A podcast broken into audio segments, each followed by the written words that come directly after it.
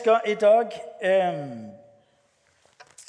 peke på noe som på den ene sida folk sier 'fenomenalt', 'dette var bra', og andre sier oh, oh.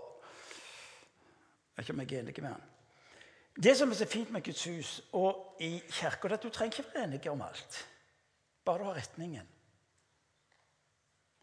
Eh, å være i ei kirke og være en del av en menighet betyr at du konstant utsetter deg for nye bilder av hvem Gud er, og hva han ønsker i ditt liv.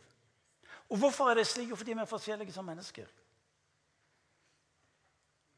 Noen sier 'sånn er Gud'. Og noen sier ja, men han er litt sånn òg.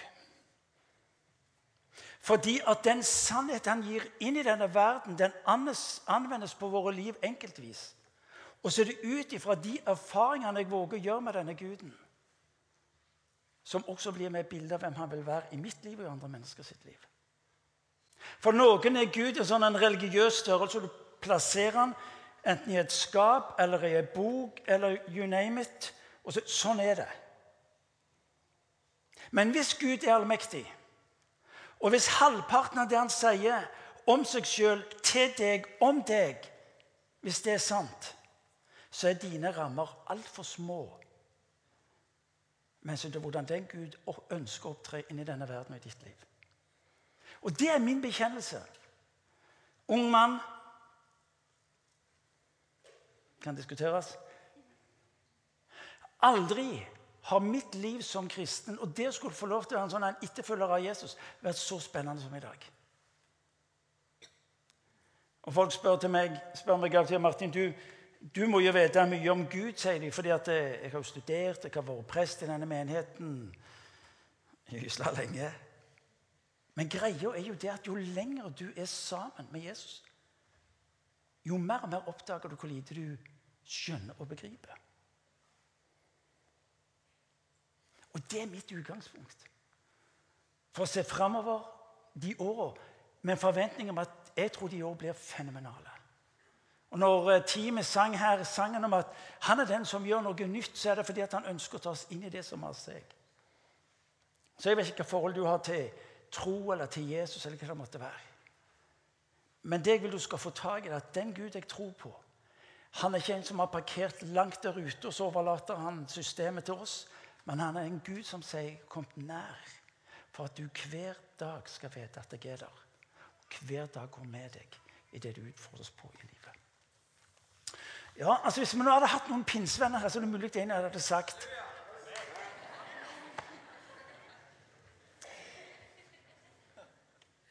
smell på sakene her, altså. Vi risikerer at vi dobles fra én til to før dette møtet er slutt. I skal jeg snakke om sex. Jeg,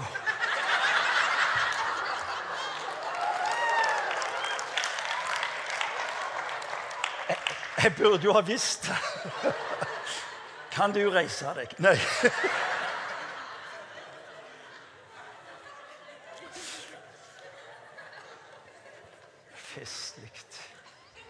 Hvor er det den ungdommen tar den til frimodigheten ifra? Altså.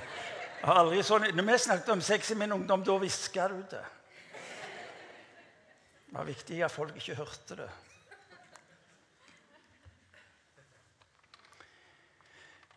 Vi kan mene mye om sex, og vi kan mene forskjellig om sex. Men det som i hvert fall er tydelig, det er at eh, vi omgis det på absolutt alle bauger og kanter. Du kan eh, mene hva du vil om det. Men du slår opp i, i, avisene, du ser på fjernsyn, du ser på serier. Det er én ting som går igjen, og det er en grassat fokus på sex. Akkurat som om det skulle være noe nytt. Som om det skulle være noe som eh, med inn i denne kirka For kirka blir av til beskyldt for å være litt sånn sexfokusert. Kirka vil aldri nå opp til det som avisen og media og ulike miljøer fokuserer på når det gjelder sex. Men de gangene noen kirker forsøker å gjøre det, så blir det litt av et leven. Men greia er den at Gud er opptatt med sex. Hvorfor er han opptatt med sex? seksualitet? Jo, fordi at det er en del av skaperverket. Det var en del av det han ga oss. Vår tid er umettelig på sex. Hvorfor det? Jo, fordi det er noe med bale Bale med Det er altså typisk Stavanger for deg som ikke vet det. Hva du baler med. Hva du prøver å få tak på. Det er det jeg forsøker å si. Men det som er situasjonen, er at når, når vi på den måten kjenner på et gyselig trøkk med hensyn til tematikken sex og seksualitet, så er det altså påvirkning utenfra, det er innflytelse utenfra. Det er folk som ønsker å fortelle meg om hva jeg skal tenke, hvordan jeg skal handle og hvordan jeg skal leve. Og inni det der tror vi at Gud har sagt noe som har betydning. Fordi Gud har et ønske om at hver enkelt av oss, uansett hvor vi befinner oss i tilværelsen, skal erfare at det han har gitt oss, er godt. Og den hensikten han har med vårt liv, er god. Også på dette området. Først når Min erfaring er at når du ser på hva Gud sier, så ønsker Gud inn i ditt og mitt liv, uansett hva som er historien, så ønsker han å bringe helbredelse. Gud ønsker inn i ditt og mitt liv å bringe kraft, slik at vi kan leve det livet du drømmer om, du har ambisjoner om, det du var skapt for, grunnen til at du er på denne kloden. Og når vi ser hva Gud sier til oss, så gir det oss også gir oss kraft til å våge, mot til å våge å gå en vei som har betydning utover oss sjøl, utover våre egne liv. Så i dag så skal vi altså se litt på sex. Definisjon av sex. Det kunne vært festlig å hørt. Hva er definisjonen på sex? La meg gi det en kort definisjon. Det er ikke meg som får den opp, men jeg syns den er gysla god i fokuseringen. En snakker om kroppens sug, og så snakker den om hjertets lengsel. Når det gjelder den ytre formen for sex, så kan vi grassat mye.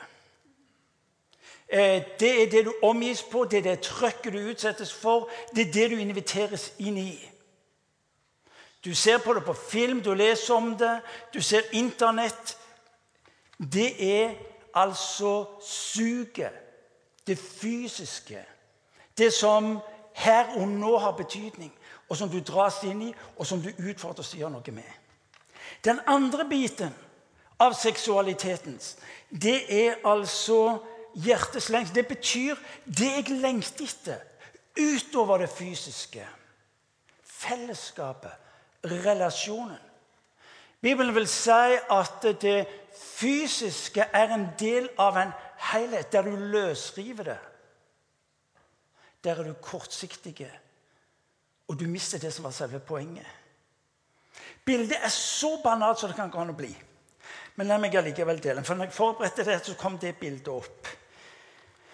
Um, jeg, um, jeg, har ikke mange svakheter i livet. Og de jeg har, de kan jeg vedkjenne meg. Et av disse er kaker. Vet dere kaker Ja. Og en fase i livet mitt så var den gule kaka. Det var favoritten. Dere vet hva gul kake er? Ja.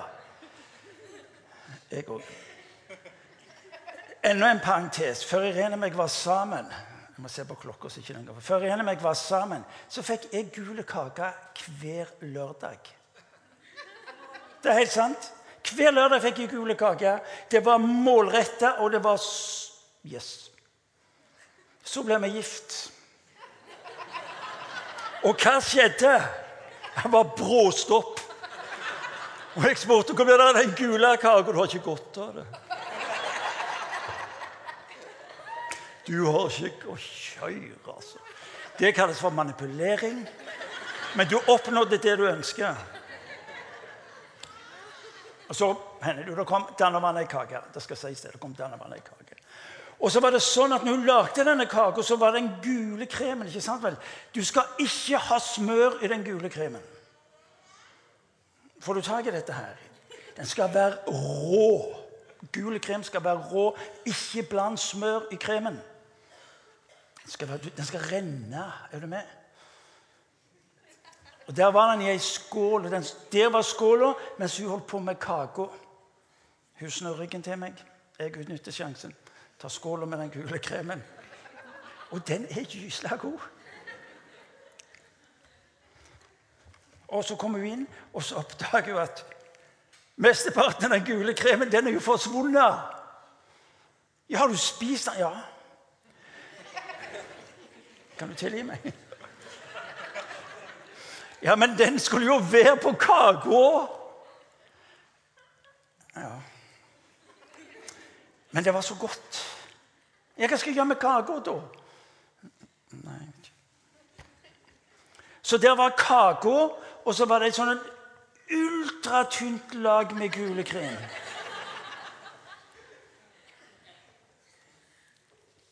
Det er klart Den gule kremen er god, men det er jo kaka som er noe. Tar dere poenget mitt? Det er altfor mange som er opptatt med å spise den gule kremen. Jeg er klar over at den, Jeg tenkte tar jeg den, så blir dette. Men jeg tenkte drit på. tenkte jeg. Det går greit. Hør nå. Når vi snakker om seksualitet, så snakker vi ikke bare om det fysiske, vi snakker om helheten. Altfor mange mista hva som var poenget. Rett og slett. Rett og slett for at de hadde et fokus. Vi lever i et samfunn som er så fiksert på sexen i snever forstand. Og så blir det til at vi dyrker det fysiske, kroppen, alt det som vi opplever her nå. Men hva er det vi drømmer om? Hva er det vi lengter etter? Du skal få litt mer seinere. Bibelen sier at vi er kalt til å leve med hverandre på en måte som gjør at Hans navn æres ved våre liv. I Guds bilde står det i Bibelen skapte han mennesket. Til mann og kvinne skapte han dem. Hør hva jeg forsøker å si. Et bibelsyn på mennesket forstår seksualiteten som en del av menneskets vesen i sin bredde. Mennesket kan leve et fullverdig liv uten sex i snever forstand. Men mennesket er et seksuelt vesen og kan ikke leve uten kjærlighet og nærhet til andre mennesker. Jeg har møtt mange av de som var opptatt med sexen isolert sett og snever forstand. Jeg møtte de litt lenger på veien, og det som var ropet, det var 'Martin, det er ikke dette jeg lengter etter'. De kunne fortelle meg om antall såkalte erobringer. Men jeg har møtt, jeg har møtt jentene som forteller det var ikke dette jeg ønska. Det var ikke dette jeg lengta etter. Det var fellesskapet jeg lengta etter. Det var nærheten jeg lengta etter. Det var relasjonen jeg lengta etter. Det var kjærligheten jeg lengta etter.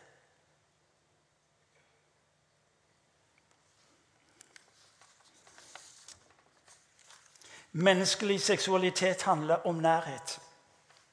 Ikke bare om nærhet, men alltid om nærhet. Det er dette Gud tar oss inn i. Det er derfor han rekker oss eh, seksualiteten. Alle mennesker har samme behov for nærhet. Og nærhet utgjør en stor del av seksualitetens vesen for alle mennesker, uansett livsform. Enten man lever i parforhold eller er alene.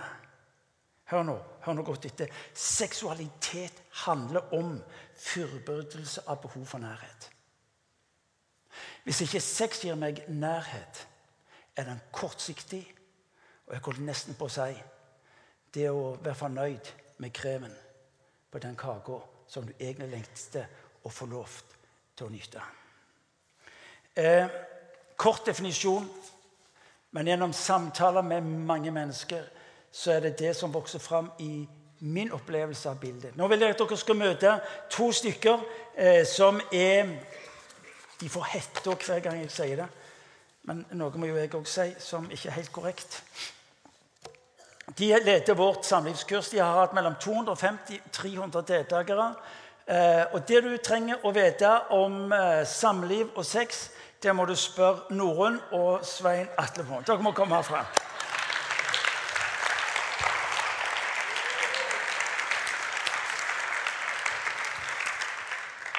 Får kjeft av de òg etterpå. Men det er ikke så farlig, så jeg skal raskt hjem i kveld. Eh, Det interessante er Vi har hatt mellom 250 og 300, og, eh, og nå Par, ja. Er du klar over at det blir nesten 500? det? 600? Kjør. Ja, stykk.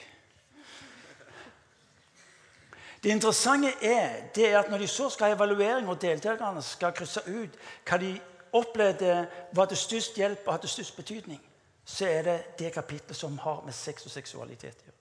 Det opptar oss, vi trenger hjelp på det. Og hvis vi ikke våger å være ærlige på det, vet du hva, så lurer vi oss sjøl. Alle utsettes vi for utfordringer på dette området. Derfor er det viktig for oss å lese både hva Bibelen sier om det, og ikke minst å høre på hva erfaringen fra kloke mennesker sier når det gjelder disse tingene. Er det greit? Vi får ta det etterpå. Vi tar det etterpå. Norrøn, eh, hvorfor sex? Eh, For meg så er det faktisk enklere å praktisere det enn å snakke om det. Jeg er enig. Det, det er mye bedre i praksis enn i teorien. Ja, jeg beklager. Eh, Men av og til så er det jo sånn at vi må snakke om ting. Og dette er et tema som jeg vil anbefale å snakke om. Eh, Siden vi er i eh, kakeavdelingen, så, så tenkte jeg òg å ha et bilde om kake. Eh, og tenk deg da at ekteskapet er som en kake.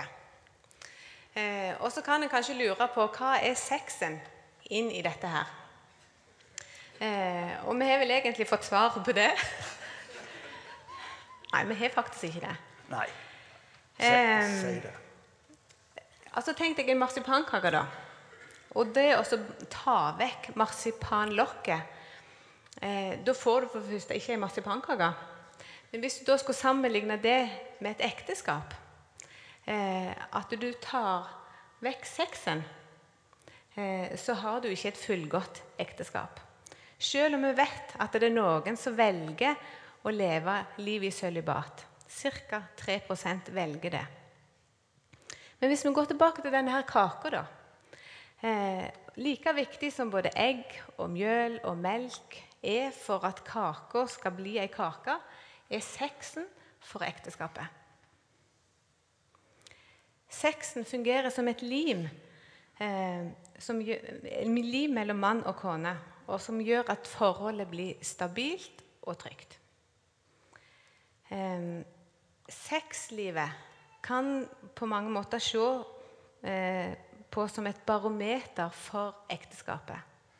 Har du et godt sexliv, så er sjansen stor for at du har et godt ekteskap òg. Ei dame som heter Judith Wallenstein, hun drevet og forska mye på relasjoner mellom foreldre og barn, mellom par. Eh, og hun har spurt ganske mange hva er det som gjør ekteskap til gode ekteskap.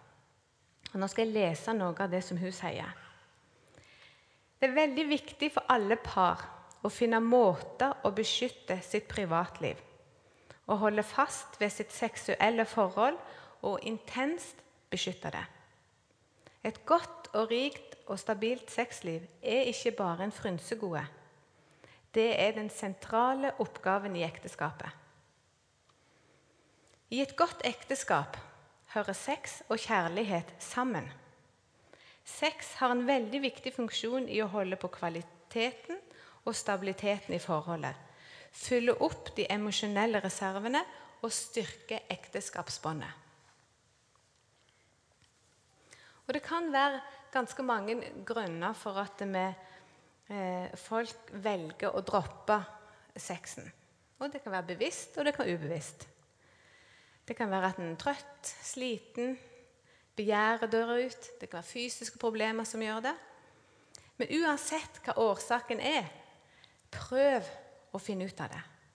Gå gjerne og snakk med noen hvis dette er vanskelig. Eh, hvis vi finner ut at vi vil droppe sexen, eh, kan forhold på si lett oppstå. For noe av intimiteten forsvinner. Eh, og vi har eh, et vennepar. Og de var verdens beste venner. Og det var det de var.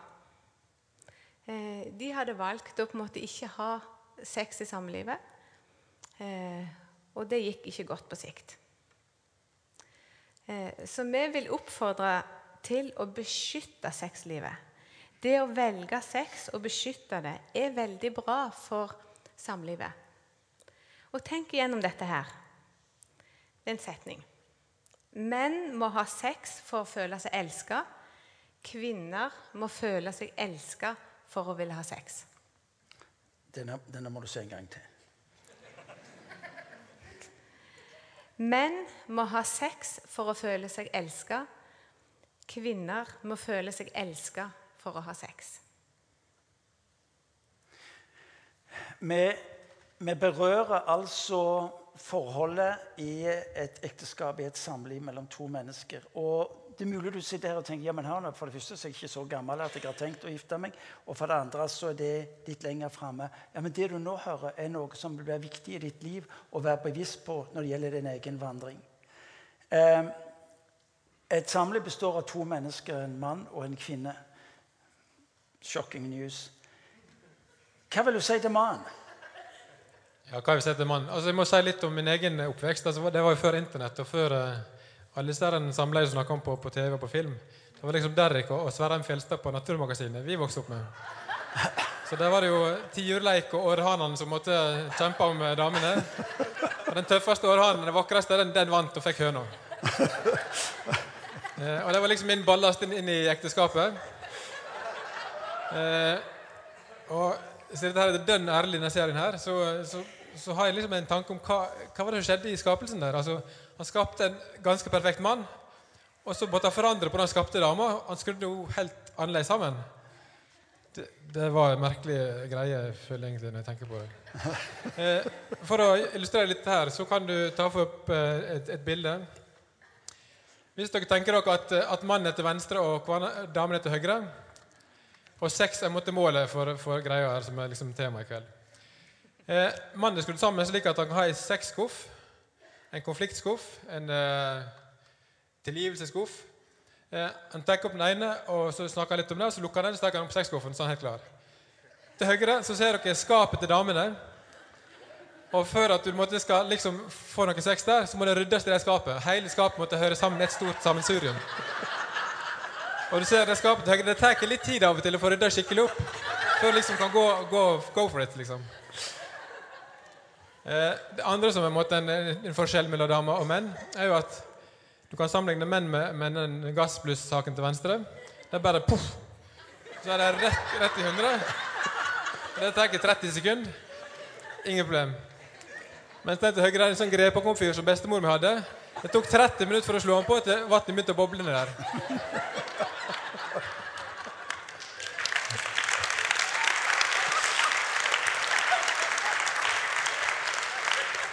Og da kan du tenke deg selv når, når vi holdt på å pusse opp hus Det var langt på kveld og kom hjem og tenkte at nå kan vi liksom Gassblusset var jo klart, for så vidt.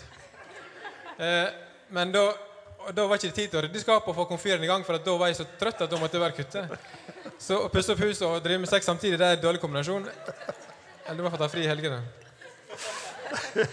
Men så kommer et viktig poeng. Det er ikke damen sin feil. Det er ikke bedt om blitt skapt sånn.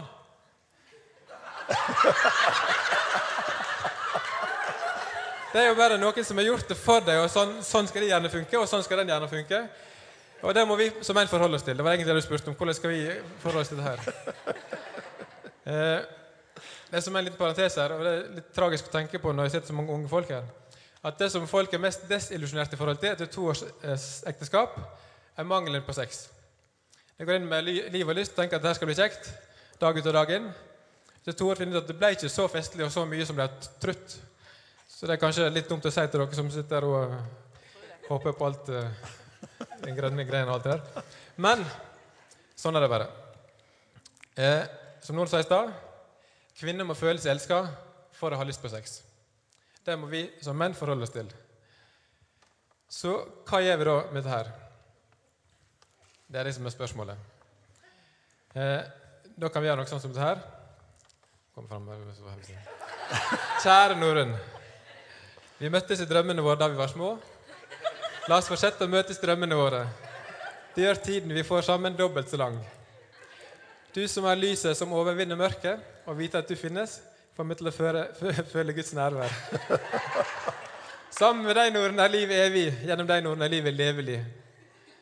Fritt etter Ari Behn. Det var hans bryllupstale til uh, Märtha. Så bare erstatt uh, navnet, da, så blir det veldig bra. Nei, men Det er ikke så lett for oss menn å kanskje uttrykke oss sånn verbalt og fortelle hvor glad vi er i damene våre. Vi kan si at du er fin. Det er jo enkelt. Jeg synes Det er kjekt å sitte og spise med deg uh, i sofaen når ungene har lagt seg om kvelden. Jeg setter virkelig pris på turene på, på ski med deg. Jeg gleder meg til turer til utlandet når ungene blir voksne og feriene ikke betyr noe lenger. Vi kan reise hvor vi vil. Eh, og jeg kunne ikke valgt noe bedre enn deg. Altså Enkle ting, men det funka veldig bra. Eh, og her er måte trikset, da. Du har noe som heter kjærlighetsspråk. Der er fem stykker jeg har funnet til. Eh, og Mennene må finne ut hva som taler til kvinnene sine, og hva damene vil ha. Er det en gave i ny og ne? Er det da de føler seg elska? Er det kjærlige ord? Er det berøring? Hvis det var så enkelt, så hadde det vært kjempeenkelt. Som regel er det ikke det. Eh, er det hjelpsomme handlinger? Eller er det tid, som det er veldig ofte? Eller er det kombinasjon av alle sammen, kanskje? Det er jo ikke uvanlig, det heller. Poenget til oss menn er altså å finne ut hva det damene måtte vil ha, eller hva det ikke vil ha, men hva er det som gjør at de merker at vi er glad i dem. Det er clouet her. Eh, og ikke bare bruk disse her triksa. Kun vil ha sex. Da blir du gjennomskua med en gang. Altså, hvis det er kun det du er ute etter, da detter du fort gjennom. Vis dette her at du er glad i dama di også når det ikke er sex som er liksom baktankene baki der. Men at du er glad i henne. Vi er jo glad i deg, det er ikke det. Men vi får ikke sagt alltid. Vi kom på å si det akkurat rett før vi skulle hatt sex. Da kom vi på det. Det er lenge siden jeg har sagt. Og det er litt seint. Ja. Eh, jeg har på meg sånn T-skjorte, sånn godhets-T-skjorte. Det er ikke fordi at alle andre var skitne. Men eh, det er en måte greia. Altså godhet. Vis godhet eh, på den måten som damer merker at du er glad i det på. Da blir eh, det bra. Noen ord eh, til damene, eh, Norun. Eh, ja, jeg kan ikke si så mye, da. eh, kanskje kan vi kvinner av og til tenke at alt trenger ikke være på plass eller i boks før vi skal ha sex. Eh, kanskje kan vi ha sex selv om vi er litt trøtte, selv om vi er litt slitne, eller kanskje at huset er bomba. Eller at det, det, ligger noen konflikter der som vi kanskje ikke helt har fått avklart. Eller kanskje kan vi faktisk òg eh, prøve å ta litt initiativ. Eh, det at det er menn som ofte er den som har driven på sex, fører ofte til at det er de som òg tar initiativ. Eh, men jeg tror at vi kvinner òg kan gjøre det. Eh, og ofte har det en enormt god effekt på mennene, det at vi tar litt initiativ. Jeg vil anbefale det. Gass pluss er klart. ja. Tviler ikke på det. Eh, ja. Vi har vel et bilde til slutt som kanskje kan si litt eh, om hva dette her går i. Ja, Da ser dere mannen oppe, en av-påbryter. Det er også av-påbryter på den nedre delen, men det er mange sånne knapper du skal stille inn først før du kan gå på den. Dette blir veldig karikert og veldig spesielt. Eh, jeg anbefaler å gå på samlingskurs. Det blir en hel kveld, og der blir det litt mer nyanser. Eh, det begynner til høsten etter høstferien.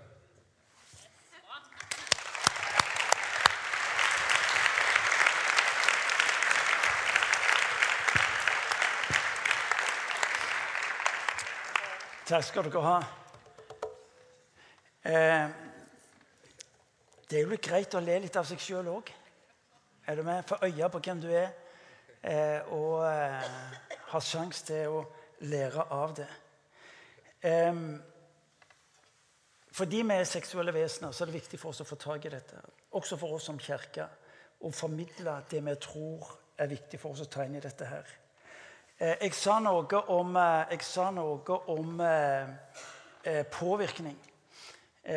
Enten så velger du er bevisst på hvilken kilde du vil hente ifra, eller så er du åpen for hva andre gjør. La meg gi en undersøkelse som forteller at, at tenåring i dag ser mellom 5 til 10 000 seksuelle handlinger i løpet av et år. På TV eller Internett. 90% av de skjer ut forbi ekteskapet. Er det rart at vi befinner oss i en fase hvor det er grassat mye usikkerhet på hva, hva, er rett, hva er normalt? Alle gjør det. Og så blir det på et vis eh, referansen. Eh, dere hørte hva Norunn og, og Svein Atle sa noe om. La meg, la meg ta det litt videre, men kanskje fra en annen vinkel. Eh, Bibelen er opptatt med å fortelle noe om hvordan mann og kvinne skal forholde seg til hverandre. Bibelen er opptatt med å tale inn i mennesker sitt liv. Og så bruker Bibelen bilder som både overrasker og til en viss grad sjokkerer. Eh, for deg som har med deg Bibelen, så står det i eh, Nytestamentet så er altså Paulus opptatt med å fortelle hvordan mennene skal forholde seg til sine koner. Eh, i Efeserbrevet kapittel 5, i vers 25 og litt nedover. Dere menn, elsk konene deres slik Kristus elska kirken og ga seg selv for den, for å gjøre den hellig og rense den med bad i vann i kraft av et ord. Slik ville han selv føre kirken framfor seg i herlighet, uten den minste flekk eller rynke. Hellig og uten feil skulle den være. På samme måte skal altså mennene elske sine koner som sin egen kropp. Den som elsker sin kone, elsker seg selv. Ingen har noen gang hatet sin egen kropp. Nei, man gir kroppen næring og pleier den på samme måte som Kristus gjør med kirken. Ekteskapet gir oss intimiteten, de fysiske opplevelsene. Men ekteskapet gir oss også pakten, om du vil ekteskapspakten. Eh, når, når, du står foran presten, eller hvor du står henne, så, så sier du ja til kvaliteter, verdier, innholdet i det samlivet dere skal ha. Og det er nettopp pakten som hjelper deg til å bli værende når livet blir krevende. Det er altfor mange som starter med intimiteten. Og intimiteten tar meg inn i konsumentholdningen. Intimiteten tar meg inn i det hvor jeg kan få mest mulig ut av. Starter du med intimiteten, kommer du som konsument og ikke som bidragsyter. Den som starter med det intime, vil ganske så snart begynne å kjenne på prestasjonsangsten. For jeg er ikke sikker på om jeg klarer å innfri forventningene til konsumenten. Det er ikke sikkert jeg klarer å møte det som er tegna av bilder på hva som er normalen.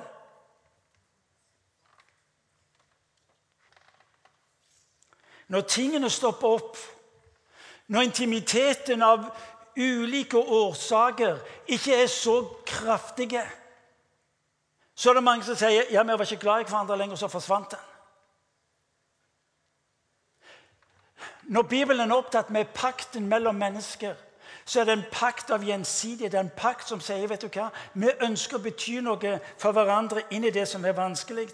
Når pakten blir en del av samlivet vårt, så betyr det at vi legger ned våre liv. Hva er det Paulus sier til, til mennene? Hør, menn, sier han.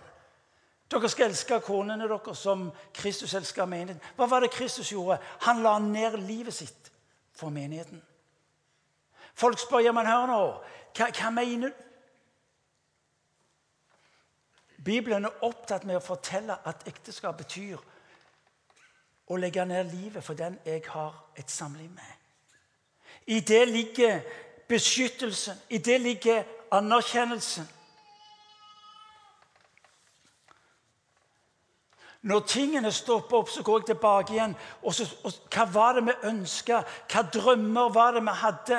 Hva var det vi kjente på? Det var dette jeg skulle Så gjerne sett ble livet mellom oss. Men en tar utgangspunkt i intimiteten og så sier han, det funker ikke lenger. Og så bytter han ut, eller blir bytta ut. Mens pakten tar meg inn i hvor jeg våger å si Vet du hva? Dette er noe langt større enn det jeg klarer å konsumere eller ta til meg eller you name it.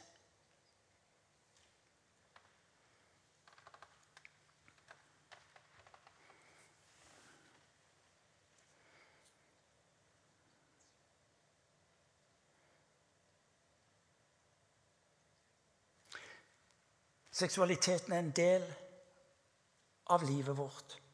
Det er en del av hva det jeg sa, glasuren. Den gule kremen. Men når det ikke er på plass, så ser vi igjen et mønster jeg begynner å flykte inn i. Erstatningene. Pornografien. Det funka ikke lenger, så jeg konsumerer på et annet område. Firmaturene. Alkoholen. Utydelige grenser. Jeg har hatt ganske mange samtaler med folk. Jeg har ennå til gode å høre en som kom hjem på Fanfirmatur. Hvor Hvordan hadde tippa over. At han kom hjem til partneren eller ektefellen, sa vet du hva? Skal, at en ektefelle sa 'hurra', det var kjekt å høre. Det var smerten, det var sorgen, det var sårheten. Hør nå. Hvis du baserer livet ditt på intimiteten, så bygger du ikke. Og du vokser ikke. Verken som menneske eller som partner eller som ektefelle. Og Så blir utroskapet, fraværet, og så er det det som er situasjonen. Godt mulig det var gyselig alvorlig det ble nå. Hvis vi ikke våger å tale, snakke sant om det der, så, holder, så lurer vi hverandre. Dette er en like stor utfordring for, for såkalt kristne ektepar som det er for ikke-kristne ektepar. Dette er en like stor utfordring. Derfor er det viktig for oss å være ærlige på det. Jeg vil du må få tak i én ting. Det er at Når Bibelen taler om samliv, når Bibelen taler om seksualitet, så taler den om på den ene sida om intimitet. Alt det det representerer av følelser, av kraft og alt det der. Og på den andre siden opereres det med pakt. Hør nå. To mennesker som kommer sammen, skal få lov til å ha intimitet på basis av en pakt. Det er det du inviteres til.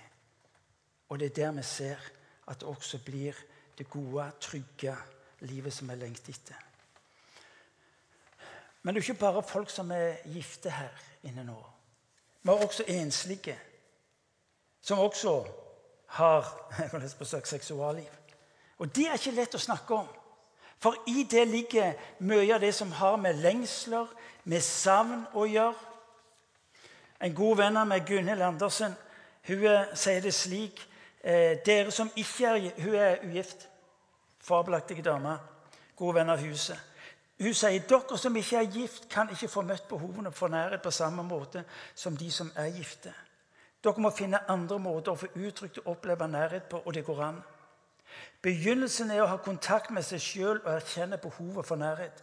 Mitt dypeste behov er ikke et fysisk behov for seksuell tilfredsstillelse i møte med det andre kjønn, men det er, kjønn, men det er et dypt behov for å oppleve nærhet i forhold til andre mennesker av begge kjønn. Den fulle seksuelle forening er forbeholdt ekteskapet. Opplevelse av nærhet er det ikke. Med andre ord, Det går an å oppleve dyp nærhet uten fysisk kontakt i det hele tatt. Men alle mennesker trenger fysisk kontakt også. Og det finnes former for fysisk kontakt som ikke er rotestimulerende. Et håndtrykk, et klapp på kinnet, en arm rundt skulderen, et fang å legge hodet i. Alt dette kan være fysiske uttrykk for nærhet som formidler trøst, godhet, ømhet og hengivenhet. Dette er følelser og former for nærhet som ikke bare er tillatt for mennesker som er gift eller har kjæreste. Miljøet vårt må våge denne form for nærhet. Gunhild kom til Ren og så sier hun, Irene, kan jeg få låne Martin litt av deg.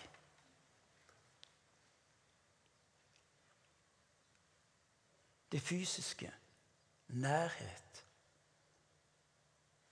Intimitet, ja. Men også nærheten som gjør at de kan få lov til, selv om det ikke eh, fører til samleie.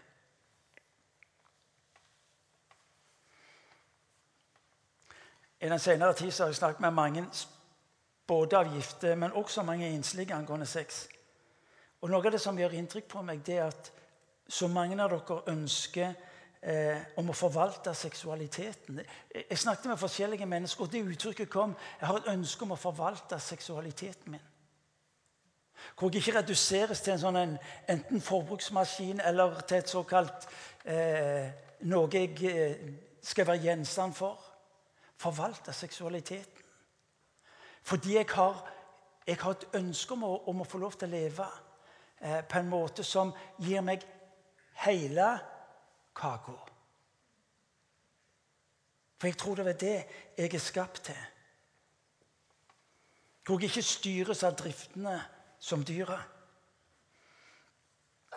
Hør nå, dere som er enslige. Bruk øynene. Se dere omkring. Det er tillatt å date uansett alder.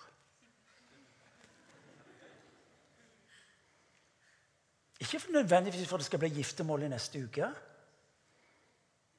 men for å våge hjertet sitt lengsel. Og hvor skulle det være mer naturlig at det skjer i ei kirke? Noen kom til meg og sa Martin, jeg hørte i min kirke blitt et sjekkested. Så tenkte jeg fabelaktig. Mye bedre de går og sjekker hverandre her enn på nattklubber hvor Er dere med meg? Nikk hvis dere er litt enige. Yes. Det har min tillatelse til å kikke så mye du vil. Bare ikke kona mi. Det kunne vært spennende, forresten.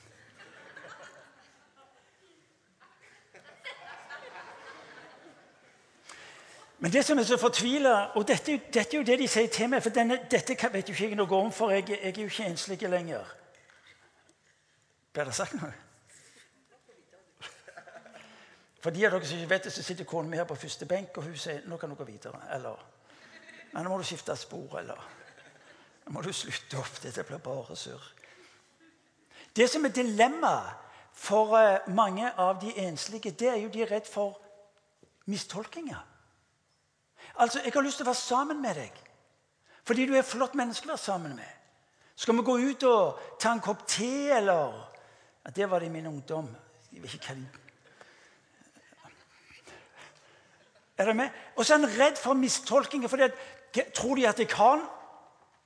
Hvorfor ikke våge? Hvorfor ikke våge eh, å trø mennesker nær? Gi hverandre tillatelse til å prøve. Det er ikke game over når du er blitt 35 pluss.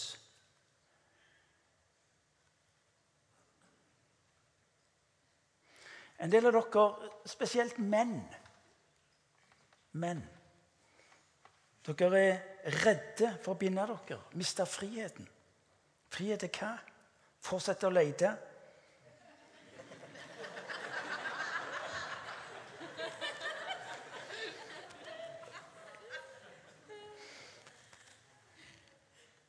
Og aldri finne. Jeg driver stadig vekk og dunker borti menn som leter. Herlig fred, har holdt på å lette i 20-25 år. Er dere med meg?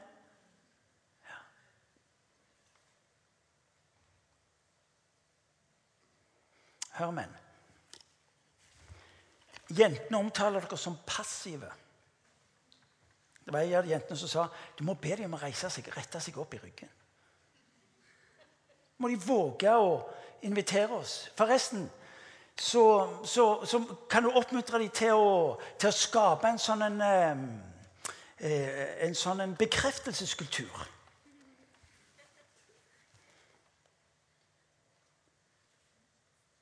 Gentlemen.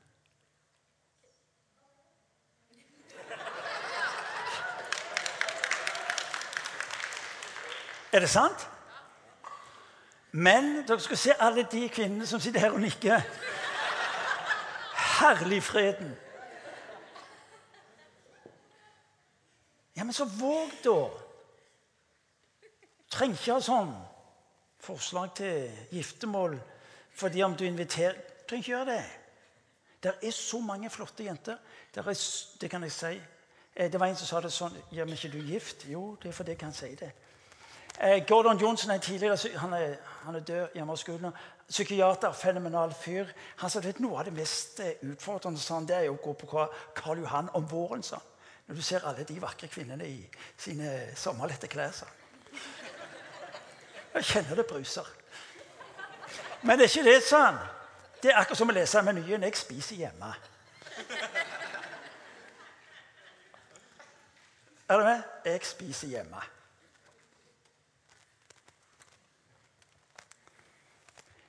Bekreft menn. Vær gentleman. I menigheten så snakker vi om Bob, B-O-B. Et blikk. Se på jentene med, med det gode. Gi dem gode ord. Berør dem på den respektfulle måten. Vet du hva vi oppnår? Vi oppnår at mennesker vil våge det som de lengter etter.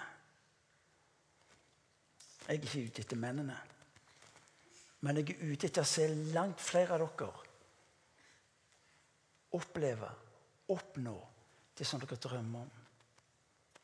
Så hermed Stå på. Jeg må begynne å slutte, så det heter i enkelte miljøer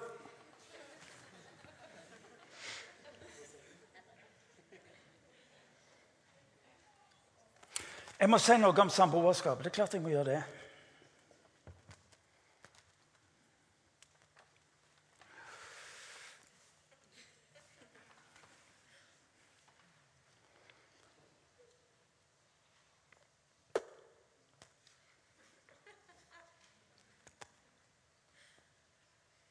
Gud har noe langt større og bedre for oss enn samboerskap. Derfor ga han oss ekteskap. Hvorfor, hvor, hvorfor, har dette blitt så viktig? Jo, fordi jeg har møtt så mange av dere som tenker ja, vi starter med samboerskap. Men hør nå. Gud, jeg har ikke behov for å rette fram en pekefinger. Jeg har ikke behov for å fordømme, jeg har ikke behov for å fortelle folk om hva de skal gjøre, hva de ikke skal gjøre. Men jeg, kan, jeg har behov for å fortelle deg at det Gud har for deg, sine løfter og det som betyr noe den veksten mellom deg og den partneren, har ett mål. Det at du skal oppleve maksimalt hva livet er. Gud har noe bedre for dere. Derfor blir samboerskap for meg feil. Hør nå det, jeg, jeg, har ikke behov for å dømme, jeg har ikke behov for å sette merkelapp. Jeg har bare behov for å fortelle vet du hva? Gud har noe som er bedre. Derfor ga han oss ekteskapet. Derfor sier han, Paulus til mann, hør nå, mann. Du har én oppgave, det å elske kona di som Kristus elsker menigheten. Det betyr legg ditt liv ned.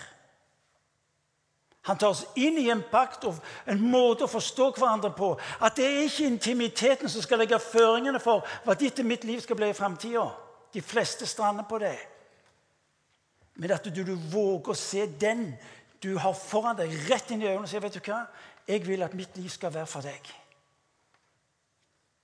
Og så får du si det som du kjenner du ønsker det skal være. Det er et faktum at samboerskap ryker syv ganger oftere enn ekteskapet. Samboerskap med barn ryker tre ganger oftere. Det er litt av en risikosport. Derfor er det jeg sier for jeg ønsker så gjerne at dere skulle få lov til å erfare hva Gud hadde for oss gjennom ekteskapet. Ni av ti jenter som jeg snakker med, ønsker å gifte seg. Men mannen vil ikke. Eller gutten vil ikke.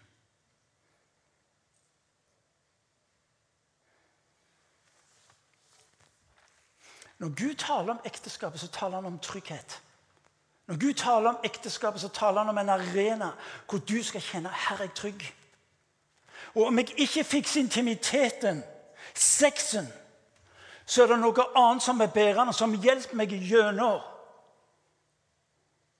Og så skal jeg slippe å bli vurdert i hensyn til produktivitet. Men skal bli vurdert i henhold til relasjonen, nærheten det vi begge drømte om å se fullført mellom oss. Jeg håper du hører hva jeg sier. Jeg har ikke behov for å rette pekefinger mot noen. Jeg har behov for å løfte fram det Gud har for oss. Det er jeg ønsker.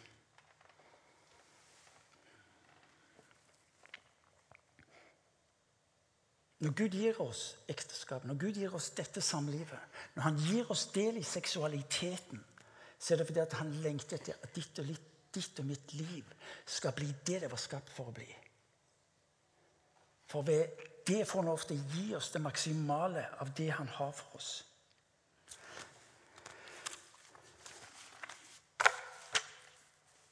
Hvordan skal vi få lov til å leve i dette? Gud gir oss en ny start. Mange av oss tenker la meg få lov til å leve dette livet. Andre sier jeg vet ikke hvordan jeg skal få det til. Hør nå. Samlivskurset eh, etter, vinter, etter høstferien. Eh, skriv dere på fort, meld dere fort inn fordi det fylles fort opp. Men vi opplever igjen og igjen å se 250-300 par søke på dette fordi de trenger hjelp til å leve i det. Når mange av oss, når vi ser tilbake så har vi ulike historier, ulike erfaringer. Det som var mitt ønske, og det som er menighetens ønske, er at du skal få lov til å stoppe opp og skulle si hva er det egentlig Bibelen ønsker å si inn i mitt liv. Jo, dette er det Bibelen ønsker å si inn i mitt liv. Og Da er det godt mulig at noen av dere begynner med regnestykket på, egen familie, på eget liv og kjenner vet du hva, jeg trenger å tilgi meg sjøl. Kanskje trenger jeg tilgivelse eller å tilgi andre.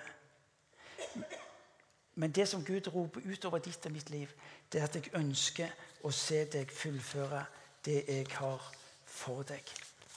Praktisk. De av dere som er en del av huset, enslige, våg å snakke om dette sammen, i, enten i eh, cellegrupper eller i smågrupper. Dere som er ektepar, våg å snakke om dette sammen når dere kommer sammen, eller om dere bestemmer dere for å danne ektepargruppe. Til oss alle eh, uansett hva som er livssituasjonen med hensyn til samliv, enten det er samboerskap eller det er ekteskap. Samlivskurset vårt er for alle typer eh, konstruksjoner. Du er mer velkommen til å melde deg på og være en del av det. Dønn ærlig er navnet på serien vår. Dønn ærlig fordi vi ønsker å hjelpe hverandre til å leve et liv som jeg tror vi alle drømmer om. Eh, til å leve det livet som gjør at vi får lov til å eh, la livene våre ha betydning for oss sjøl, for barn, for familie, for samfunn. Eh, Gud har ett mål med ditt og mitt liv. Det å velsigne det så rikelig at det blir til en velsignelse for våre omgivelser. Kan jeg få lov til å be dere om å reise dere?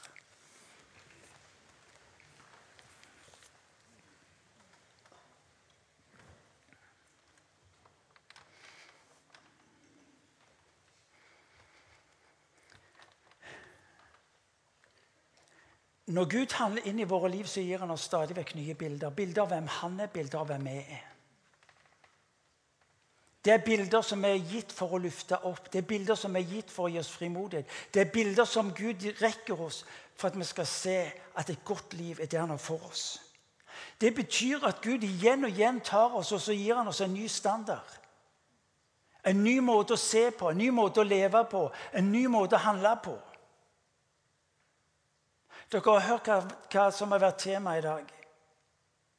Jeg håper ikke dere hører at det, det er en som er oppe med pekefingeren. For det har ikke vært intensjonen min. Men det som har vært intensjonen min, det var at du skal få tak i Gud ønsker å gi meg en standard hvor jeg kan leve enda rikere, enda mer eh, meningsfullt, enda mer i henhold til det jeg tror jeg er skapt til inn i denne verden.